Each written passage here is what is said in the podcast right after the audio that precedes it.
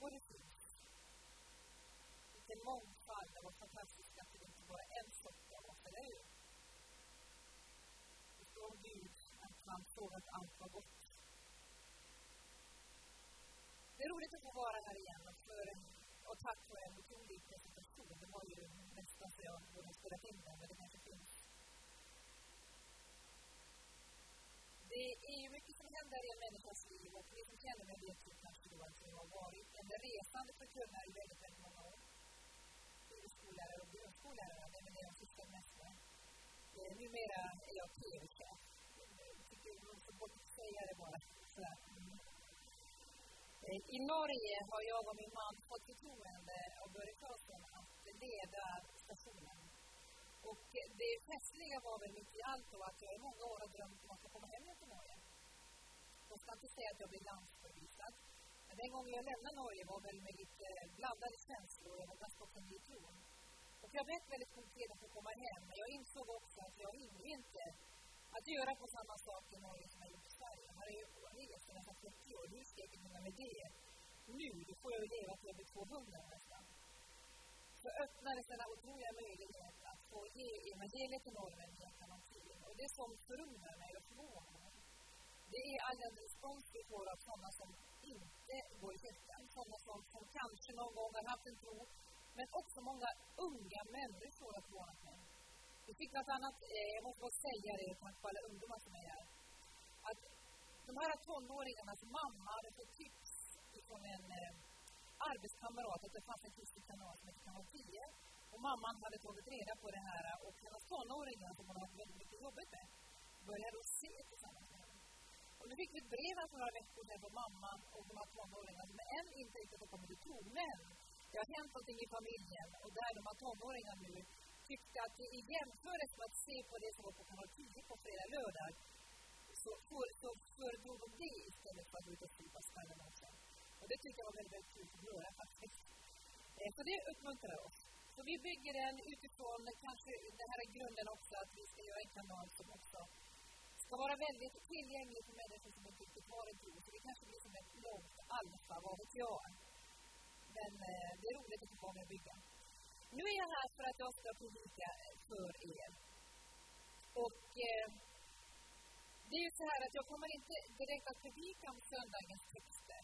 Söndagens texter, för er som inte känner till det, det är alltså något som, som finns i den Svenska kyrkan, men även många frikyrkor, där man då predikar samma texter i alla kyrkor i hela landet samtidigt. Jag läser alltså de texterna. Ibland så alltså skriver jag också i tidningen Världen idag. Jag är en av de som är med och skriver i söndagens texter och då måste vi alltid hålla oss till kyrkårets texter. Och jag tycker det är berikande att läsa dem. Jag kommer kanske att nudda någonting med dem idag. Jag får se. Men i alla fall, titeln på min lilla eh, predikan tillsammans med er idag är någonting som jag egentligen jobbade fram för väldigt, väldigt länge sedan. När jag pratade med Simon för några veckor sedan om vad, om han, om han frågade mig, vet du vad du ska säga mamma? Så det kanske kan vara bra för de som ska leda och för de som ska sjunga få veta det.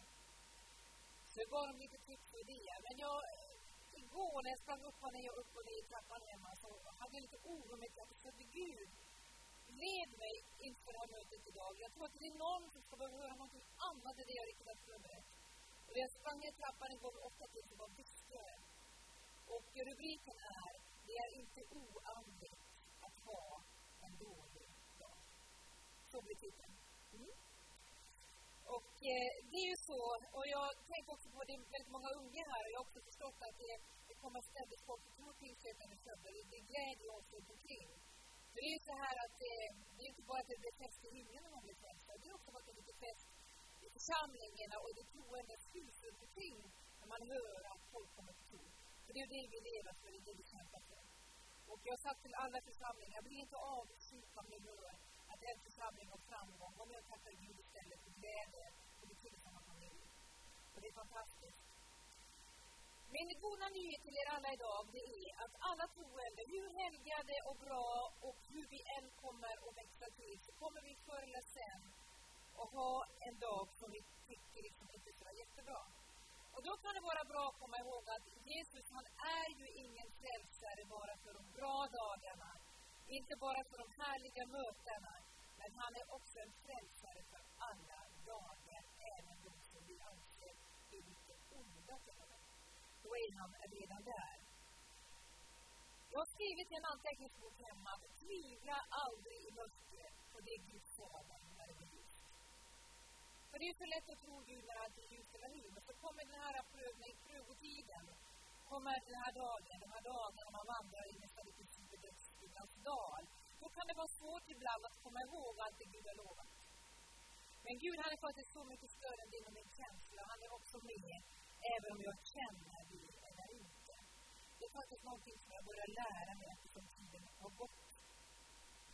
Jag ska läsa ur, ifrån första eller andra Korinthierbrevet. Jag ska få en text här nu.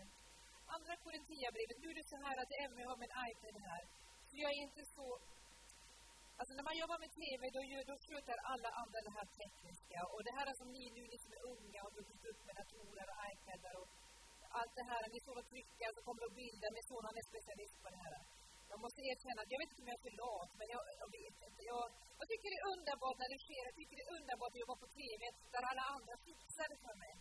Det tycker jag är härligt. Men jag trivs bäst med mikrofon och med Bibeln, måste jag säga. Och så får ni sköta det där andra. Är det okej? Okay? Så det är bra. Och har ni det, så det är alltså Andra Korinthierbrevet kapitel 4 och vers 20. Och det är alltså Paulus som undervisar. Och han undervisar, alltså egentligen borde jag kanske ha startat i vers 6. Därför det står, jag, tror, jag tar vers 6, i Andra Korinthierbrevet 4, börjar vers 6. Gud som sa, ljus ska lysa fram i mörkret, han har låtit ljus lysa upp våra hjärtan för att kunskapen om Guds härlighet som strålar fram i Kristi ansikte ska sprida sitt sken. Alltså när du och jag har tagit emot Jesus och fått honom i våra hjärtan, då vill alltså Gud att det kunskapen om denna fantastiska härlighet som är befruktad av det himmelska ska liksom stråla genom oss. Och då tycker vi att det, ja, men det är lite svårt av och till, och då kommer egentligen min här i vers 7. Men denna skatt, alltså detta fantastiska Guds återsken, det ligger i lerkärl, Paulus. Denna skatt har vi i lerkärl för att den väldiga kraften ska vara Guds och inte komma från oss. Det grekiska ordet för lera här är faktiskt bräcklig lera. Det är inte bara det att vi har fått en skatt i lerkärl.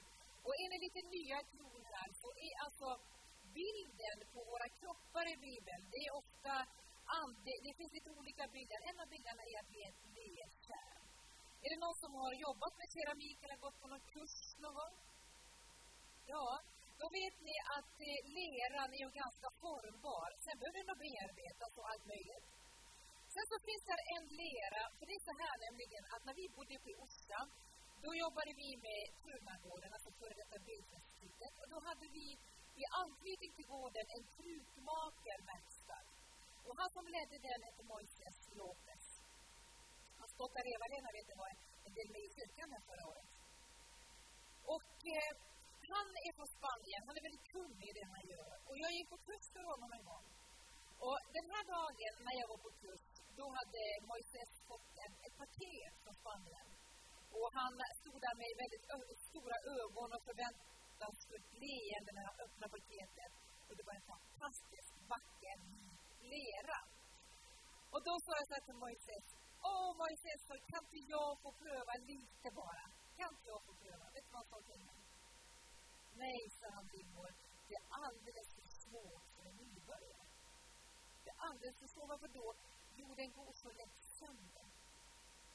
Och det är faktiskt det här som Bibeln talar om. Det är en lera, en bräcklig lera, en lera som går lätt sönder. Och sånt, så alltså beskriver Gud våra liv. Jag tror att jag varit i Norge ganska länge. Jag börjar prata norska sen jag. hoppas ni förstår. Alltså, men vi har den här otroliga skatten som det är att vara född på nytt. Den har vi alltså nedlagt i vårt andliga DNA här i våra liv. Men det här är ytter ibland, det är inte alltid att vi liksom kan återkasta det här skenet som Gud menade att det skulle vara. Att leva för Jesus och ha det här återskenet, det är ungefär du vet, som om det står en sån reflex, eller vad heter de här stolparna du vet, som står vid, eh, vid vägkanterna på mörka höstdagar. Eh, som i billampornas eh, eh, ljussken återspeglar ljuset. För att i sig själv så har ju ett reflex ljus. Men när ljus faller på reflexet så kan reflexet återspegla ljusets källa. Eller, och det, det, det, är ju det som egentligen ditt och mitt liv är tänkt att vi skulle få vara. Men i och med att vi har den här skatten, den här bräckliga leran, så är den också väldigt lätt att gå sönder. Och då kan vi också, och den är lätt att frestas. Och då kan det också bli lätt att frestas att tro, åh, vilken dålig kristen jag är. Men så kommer den dagen, du vet, när allt är på topp, när jag har hunnit att läsa Bibeln, jag har bett mer än mina tre minuter, till och med vittnat för någon och wow, alltså då är jag en riktigt bra kristen. Men Bibeln har ett litet annat eh, beskrivande för att vara en bra kristen. En bra kristen, det är faktiskt den som i sin svaghet bara väljer att hålla kvar och hålla fast vid Jesus. Det är en bra kristen, den som under allt, som Paulus säger, under allt vet att segern har jag i honom. Och Paulus han säger att det i allt, säger han, så tackar jag Gud. I första Timoteusbrevet så står där en vers som jag tror att vi ibland antingen hoppar vi över den, för vi tycker det är så jobbigt, speciellt vi som är kritiska. Vi vill helst inte nämna den här versen. Men jag tror också det är så att vi eh, har lagt fel fokus i den här versen. Det är i Första Timoteusbrevet kapitel 5 och vers 23. Här skriver alltså Paulus, som var en andlig pappa till en kille som heter Timoteus. Paulus hade varit i Efesus fem år innan, han hade bildat en församling där och han hade lämnat Timoteus, en ung kille, en evangelist, en, en, en, en som hade en evangelistgåva. Och eh, evangelisten i Bibeln är ju den som både verkar in i församlingen och också den som är församlingens utsträckta hand. Och Timoteus han skulle bygga upp församlingen och han var ganska ung och vi förstår av andra brev som Paulus skriver till Timoteus och det som sker i Efesus så var det inte så lätt för den här killen. Där börjar hända saker och då skriver Paulus att han hade fått ont i magen i Drick inte längre bara vatten utan använd lite vin till din mage eftersom du är svag så ofta. Och nu ska inte jag ha någon sorts utläggning om alkoholen i den här versen. Jag ska bara prata om det som egentligen Paulus skriver om. Därför att i grekiskan indikerar att det som hade drabbat Timoteus, det var att han hade blivit lite svag i sin tankevärld. Alltså, han hade inte blivit sinnessjuk, men han hade, han hade tappat kraften och styrkan. Därför att tankarna tog iväg åt alla håll och kanter. Och alla ni som vet hur det är att ligga orolig på nätterna och inte få sömn, ni som jobbar med jobbigheter på jobbet, ni som ska utreda svåra saker, ni som har det jobbigt i relationerna, ni som är ängsliga för sjukdom och hur ska det gå? Var sätter det sig någonstans i våra kroppar när tankevärlden här bara svirrar? Jag pekar en. Det sätter sig här. Man får ont i magen. Alltså när tankarna inte kan komma till ro och vi då upplever det, det, det som kallas för stress. Och man kan till och med gå i den här berömda väggen som så många går i även kristna. Alltså det blir bara för mycket, vi orkar inte mer. När Paulus ska ge ett råd till Timoteus vidare, hur ska jag komma ifatt, hur ska jag kunna komma upp igen? Så står det till Paulus det första handlar om att ömka Timoteus. Lite senare så säger han faktiskt fram i sitt andra brev att Timoteus säger han, blås liv i din nådegåva. Sätt dig nu och tänk bort allt som är oviktigt och så blåser du liv i det som, är, det som, jag, det som, det som blir jätte genom att du fick handspåläggelse. Den gåvan jag vet som du har i dig Timoteus, blås liv i den. För Gud han gav dig inte moderlighetens ande, han var dig kraften, kärleken, och stillhetens ande. Så att eh, få kanske komma ur det här eh, diket ibland så kanske vi måste stilla oss, komma till ro, gallra bort allt sånt som inte egentligen är viktigt och så fokuserar vi på det som vi vet brinner där i ditt hjärta. Det kan ju också finnas olika orsaker till varför vi är svaga ibland. Jag möter väldigt många människor. Jag brukar säga ibland när jag är på sådana här kvinnokonferenser, men även om det är män här, så tål väl ni det också. Alltså det kan ju faktiskt vara så att det kan vara hormonväxlingar. Alltså jag menar, det, det, det, det, kan ju vara, för ni som är lite yngre då, det kan ju vara PMS. Alltså allt behöver ju inte vara andligt. Mycket kan ju faktiskt också vara att det finns i våra kroppar.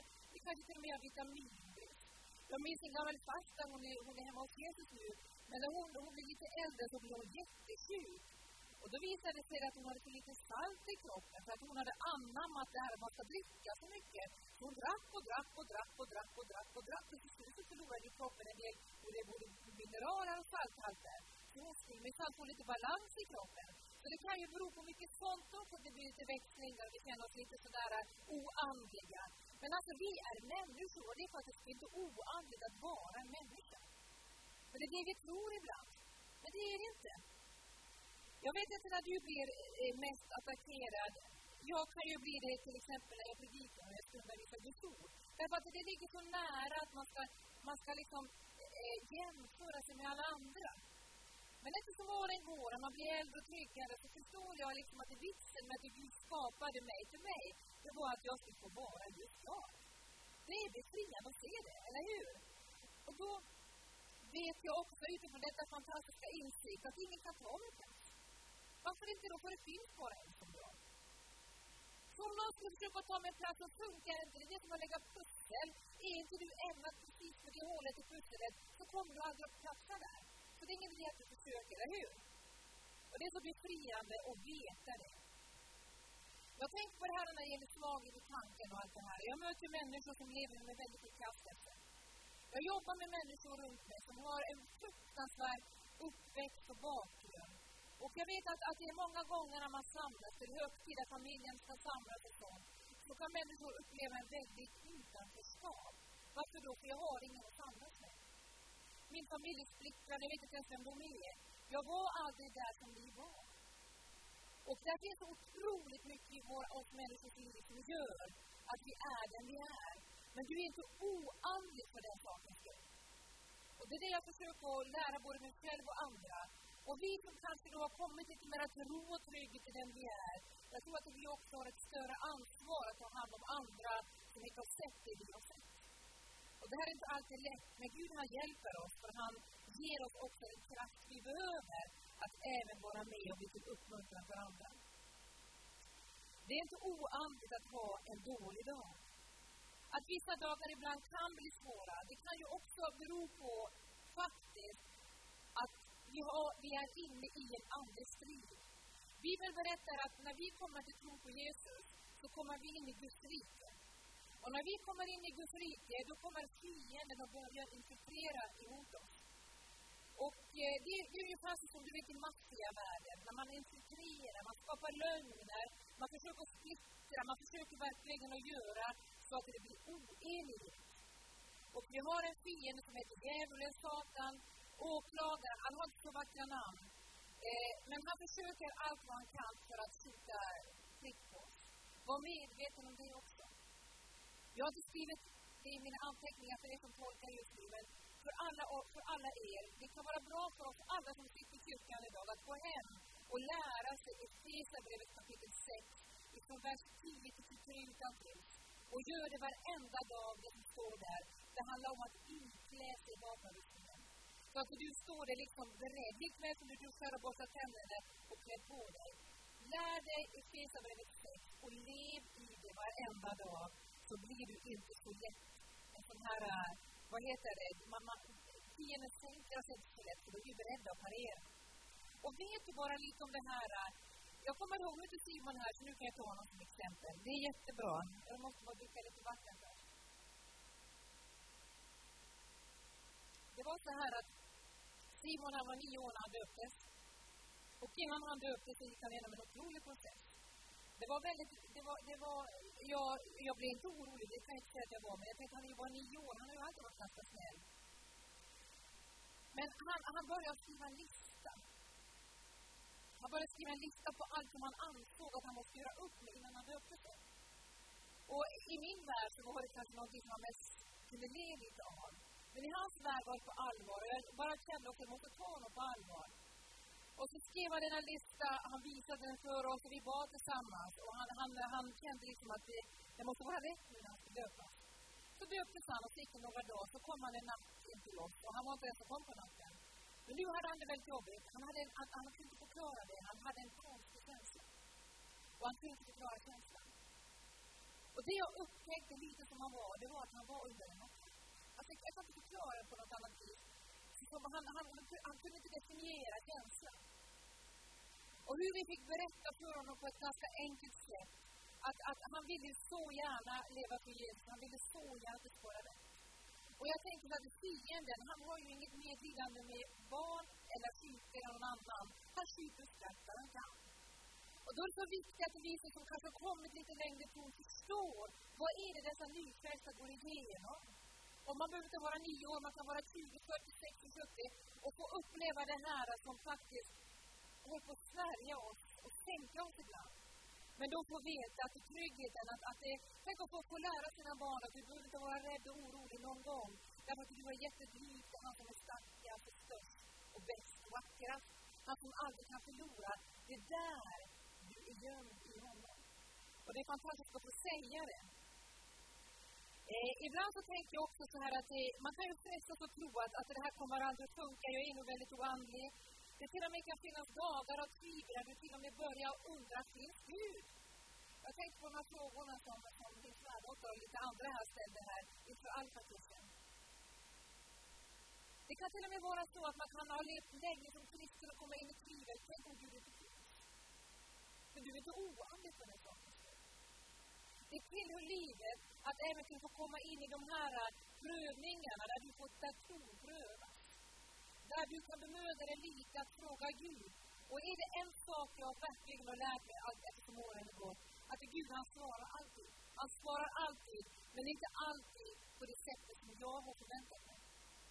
Men när jag bemödar mig, jag går inför Gud och jag vill lyssna i ödmjukhet, att Gud led mig, visa mig, så på något vis så kommer ljuset igen. Det kanske inte, inte, inte blir på ett sätt att, att allt liksom blir förklarat i, i, i, liksom i åskap och i allt vad det nu kan bli. Men den här friden, du vet, den här omisskännliga friden, att jag vet, att jag vet, att jag vet, att jag vet att Gud är med mig. Att han är för mig. Den här vissheten. I Andra Korinthierbrevet, ska vi gå tillbaka till, i Andra Korinthierbrevet kapitel 7.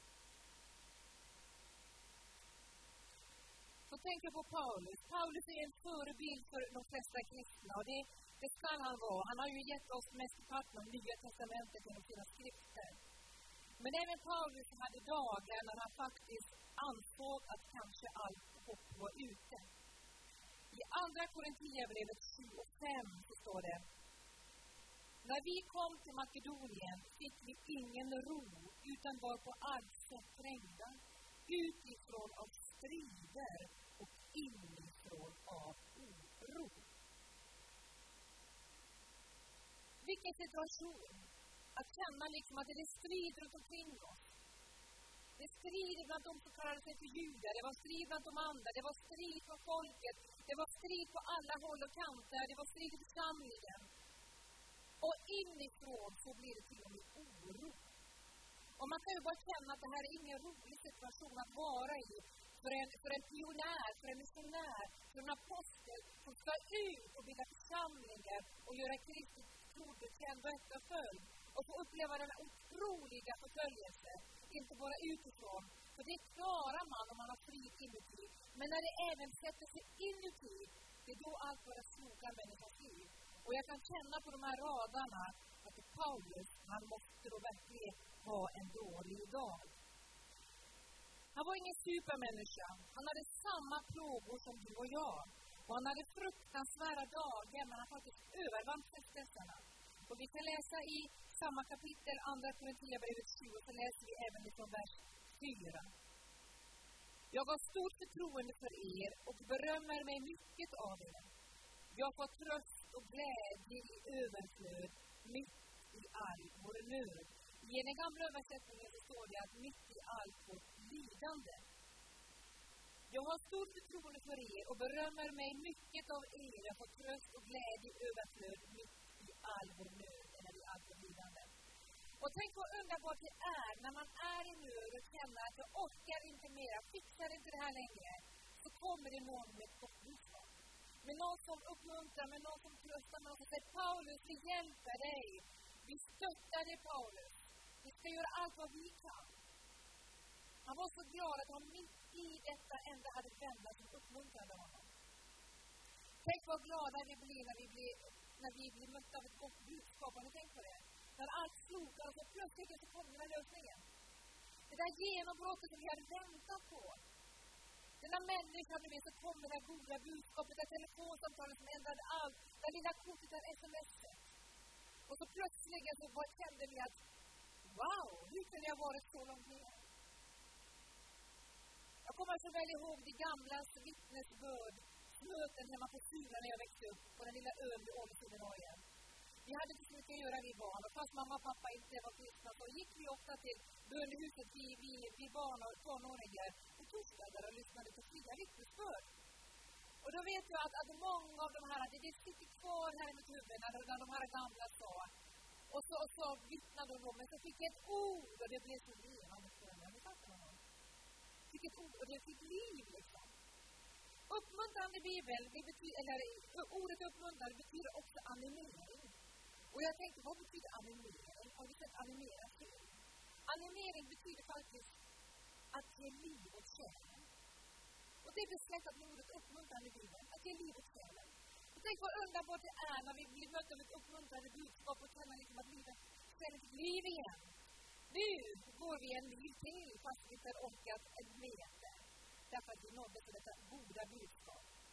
Fortsätter vi samma kapitel i Andra Korinthierbrevet 7 så hoppar vi ner till, till eh, vi läste ju eh, vers 5 förut och så läser vi 6. Vers 6. Men Gud som tröstar i modlösa tröstar oss genom Titus ankomst. Och inte bara genom hans ankomst utan också genom den tröst som han hade fått hos er. Han berättade för oss om er längtan, er klagan och er iver för mitt bästa så att jag gladde mig ännu mera. Och jag tycker det är så fantastiskt, just det här att få bli nådd av det här goda budskapet att Titus, alltså han for iväg, han blev sänd ut till en vän i nöd för att ge honom tröst och uppmuntran och berätta att det finns någon Paulus som är på din sida som faktiskt ber för dig och hjälper dig. Så du ska inte tro att du är oandlig även om du hamnar i, hamnar i mycket av det här som Paulus också berättar om. Herren han är dig aldrig närmre än när du lider och är i nöd. Herren han är som, som en mamma, vi, vi, jag brukar tänka det ibland, som, som en mor, som en far vid sina sjuka barns sängar.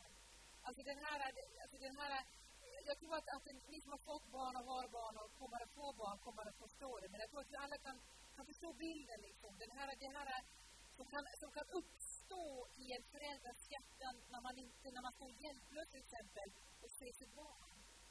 När man liksom bara vill allt för att få sova, för att de liksom må bra igen. Och det kan vara även när, när barnen kommer in i tonårsvärlden och mår dåligt. Och man som förälder står och tittar, står bredvid och tittar på. Hur kan vi hjälpa? Hur kan vi hjälpa? Det finns en Gud som vakar över era tonåringar. Det finns en Gud som vakar över oss. Det finns en Gud som vakar i alla situationer som är så mycket större än vi tror att han är. Det var det vill oss väl. Och om man mött honom så känner man också att han vill oss väl. Herren är dig aldrig närmare när du lider och är i nöd. Paulus fick uppleva så mycket. Han skriver i Andra Korinthierbrevet kapitel 1 och vers 3. Andra Korinthierbrevet 1 och vers 3. Välsignad är vår Herre Jesus Kristus, Gud och Fader, barmhärtighetens Fader och all trösts Gud. Han som tröstar oss i all vår nöd så att vi kan trösta den som är i nöd med den tröst vi själva fått av Gud. Det är ju så här att jag brukar tänka så här, om en människa aldrig får uppleva någonting, aldrig får gå igenom någonting, jag vet inte om den människan egentligen har så mycket att ge andra. Jag tror inte att någon människa någon gång kommer att slippa undan, men det kanske finns vissa som, som verkar ha någon sorts, jag vet inte, någon sorts lyxtid genom livet. Men faktum är att människor som ofta sätter de djupaste spåren i oss, det är sådana som, som, som har gått igenom olika. Jag vet när vi öppnade vårt hem i jord flera år i rad för människor som hade överlevt förintelsen, alltså som nu var gamla, som var på en berättelse, som hade någonting att berätta, som, men som hade tagit sig igenom ett liv tack vare att de valde att gå förlåtelsens väg och inte hämndens väg. Alltså, men, alltså, det finns människor som har fått sådana intryck i våra liv som familj och det är sådana som verkligen har upplevt vad lidande är. både fysiskt, psykiskt, andligt, själsligt, på alla områden. Men som tog sig igenom och som valde förlåtelsens väg. De har verkligen sett avtryck i våra liv. Och eh, faktum är att om du och jag inte blir bittra av det som händer, vi brukar ju skoja ibland att det är det som inte dödar oss, stärker oss. Och kanske är det faktiskt så, speciellt om vi, om vi, om vi väljer att lägga det i Guds hand. Ska gå mot slutet här i mina små tankar tillsammans med er. Jag vill bara läsa, eller, eller, eller, eller läsa också, jag vill slå upp Filipperbrevet 4 och 19. Det är en väldigt välkänd bibelvers som vi kanske också ofta läser och kan den så väl att vi nästan glömmer vad den berättar. Filipperbrevet 4 och 19. Den här versen har jag förresten i den här mappen där våra obetalda räkningar ligger. Så skall min Gud efter sin rikedom på ett härligt sätt i Kristus Jesus ge er allt vad ni behöver. Och då är det nämligen så att om vi skulle översätta det här ganska ordagrant så skulle man kunna översätta det så här att Gud, han ska ta hand om saken. Han ska ta hand om allt som fattas eller är nödvändigt. För han har dig mycket kär. Så det handlar egentligen inte bara om, om, om materiella rikedomar och pengar och sånt. Det handlar om allt som drabbar oss människor. Så vill Gud utifrån sitt ord efter sin rikedom på ett härligt sätt i Kristus Jesus ge er allt vad ni behöver. Och visst är det också en bön här om det dagliga brödet som vi behöver liksom för att vara som fysiska människor här på jorden. Men det är också det som vi behöver till våra själsliga åkommor. Därför vi känner liksom att, att vi fixar inte detta, där kommer han också alltid att vara med oss. Hur vi än kommer att uppleva våra kristna liv så kommer också en del av livet att vara besmittad av det ordet som vi helst inte vill, och det ordet lidande. På något vis så kommer vi alltid att ha med oss det. Vi, i det ögonblicket du har sagt ja till Jesus Kristus så får du också ta del av de här Kristus lidande. Det finns någonting i detta att få bära korset. Korset som också talar om den här själviska döden, jagets död. Och det finns också ett lidande i detta att jag blir attackerad av fienden. Det kan finnas ett lidande också i att Gud, jag tror på dig, men varför? Men varför? Men Gud skall alltså hjälpa både dig och mig igenom. Och jag skulle bara vilja skicka med dig att Gud är så mycket större än din känsla. Han finns där även när du inte ser det, när du inte känner det, när du inte anar det så finns han där. Alltid. Alltid. Den grundtryggheten vill jag skicka med dig och hoppas att den heliga Ande kan få uppenbara för dig att Gud han finns där även i dödsskuggans dal. Jag och Karol-Olof Sundby, det, det var länge sedan, vi var på ett ålderdomshem och vi sjöng och vi vittnade tillsammans. En sjuksköterska kom och hämtade mig. Det var en man som ville prata med mig och den här mannen han låg med ansiktet mot ryggen. Han låg där, det var han låg där faktiskt i, i, eh, i en palliativ vård. Han, han, han var alltså inne i livets slutskede på grund av. Han kom, han ville inte vända på sig, så jag sa till honom att eh, du ropade på mig, så du ville att jag skulle komma hit. Eh, tror du att du kan vända dig emot mig så jag får se dig? Så vände han sig lite sakta sakteliga vid sängen. Och den här mannen, han var märkt och kär, både med ålder och sjukdom, och så sa han så här att jag är så rädd, jag är så orolig. Jag är rädd Berätta du, sa han. Jag är orolig. Det är så mycket som jag inte har hunnit med och jag borde ha gjort och inte gjort. Kan du hjälpa mig? Bara det här nödropet. Kan du hjälpa mig? Jag bara, Jesus, du hjälper mig med Och då kom det bara så här, du, sa jag, jag känner Jesus. Gör du det, sa han. Nej, det kan jag inte säga, sa han. Jag sa till honom att det... Får jag berätta lite om Jesus? Jag berättar honom som faktiskt är fri som fast inte den här mannen som tyckte att hans liv hade blivit förspillt. Att få berätta för honom om Guds gränslösa nåd. Att även i det här ögonblicket så kunde Gud göra någonting nytt. Och jag fick be för den här mannen, leda honom till tro på Jesus Kristus. Och bara få se den här förskräckliga ångesten släppa. Det var söndag. På tisdagen åkte jag tillbaka. Jag hade några dagar extra på den platsen. Jag åkte tillbaka och tog upp hans rum. Jag var inte där. Jag gick också upp till sjuksköterskan. Jag tänkte att jag inte få sluta då. Nej, sa hon. Nej, nej, det har hänt något märkligt. Sa hon att papporna tog så väldigt så att läkarna bedömde att han kunde få åka hem ikväll. Och det märkliga var, och då så, så jag presenterade mig så sa jag, han har lämnat en lapp till dig, till hon som var här. Det var nog jag. Han, han lämnade sin adress om du hade tid och möjlighet skulle kunna komma hem till honom. Så jag åkte hem till honom. Och då låg han i sin säng, jag öppnade på dörren och bara, hej, så det är jag. Ja, jag kände igen den rösten, kom in.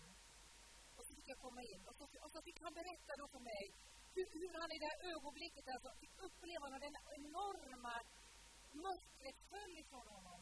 Så fick han liv i själen igen. Fast cancer var inte borta, men det fantastiska var att han levde i två år till. Och det är så otroligt. Han blev inte helad till det yttre han blev svag och han behövde vård, men han fick vara hemma. Men han dog två år. Varför då? Därför att själen fick uppleva frälsning och läkedom. Och det är det som är evangeliet. Ska vi be tillsammans?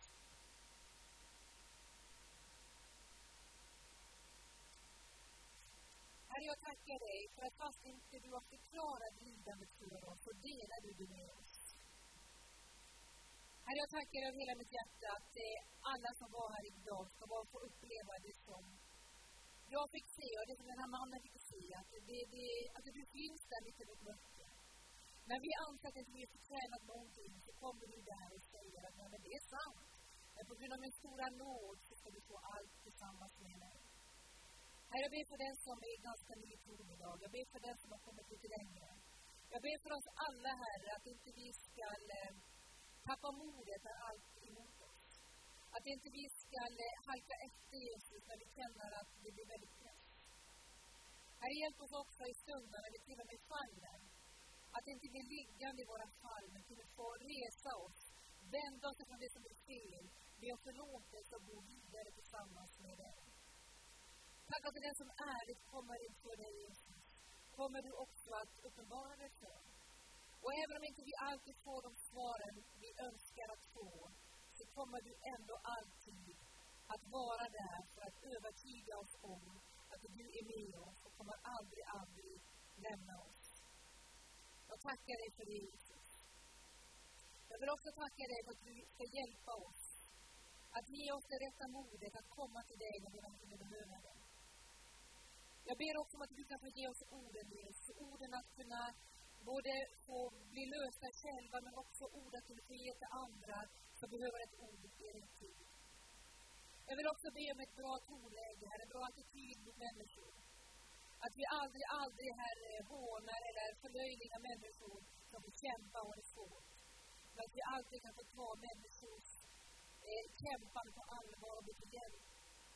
Herre, hjälp oss att både ha rätta ord ett rätt mod, men också en rätt attityd, en rätt attityd, en rätt ton emot varandra.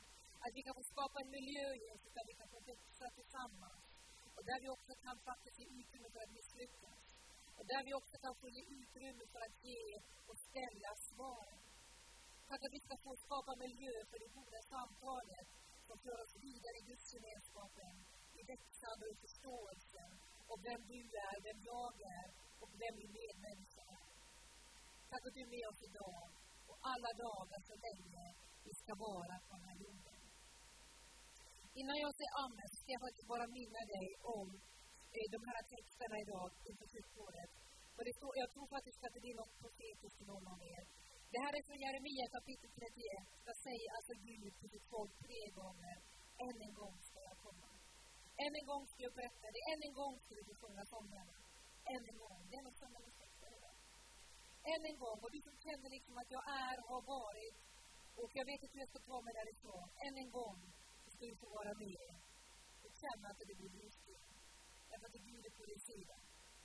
Går vi vidare in i söndagstexten idag med Uppenbarelseboken så står det också det som de sjöng här förut i, där, i gruppen här, att helig, helig, helig är Herren Och än en gång så ska du få också erfara att heligheten beror inte på om du är lyckad eller misslyckad. Heligheten beror på att Gud är den han är.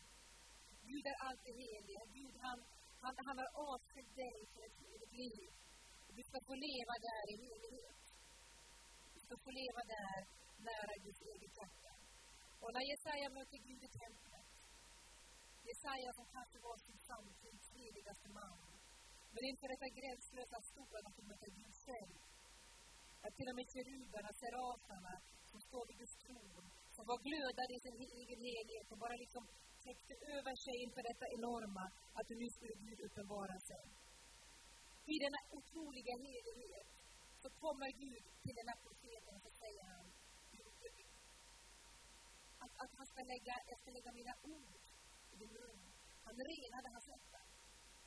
Och jag tror att Gud ska ta ut människor på det här mötet ikväll. Det ska få säga som Jesaja sa i templet.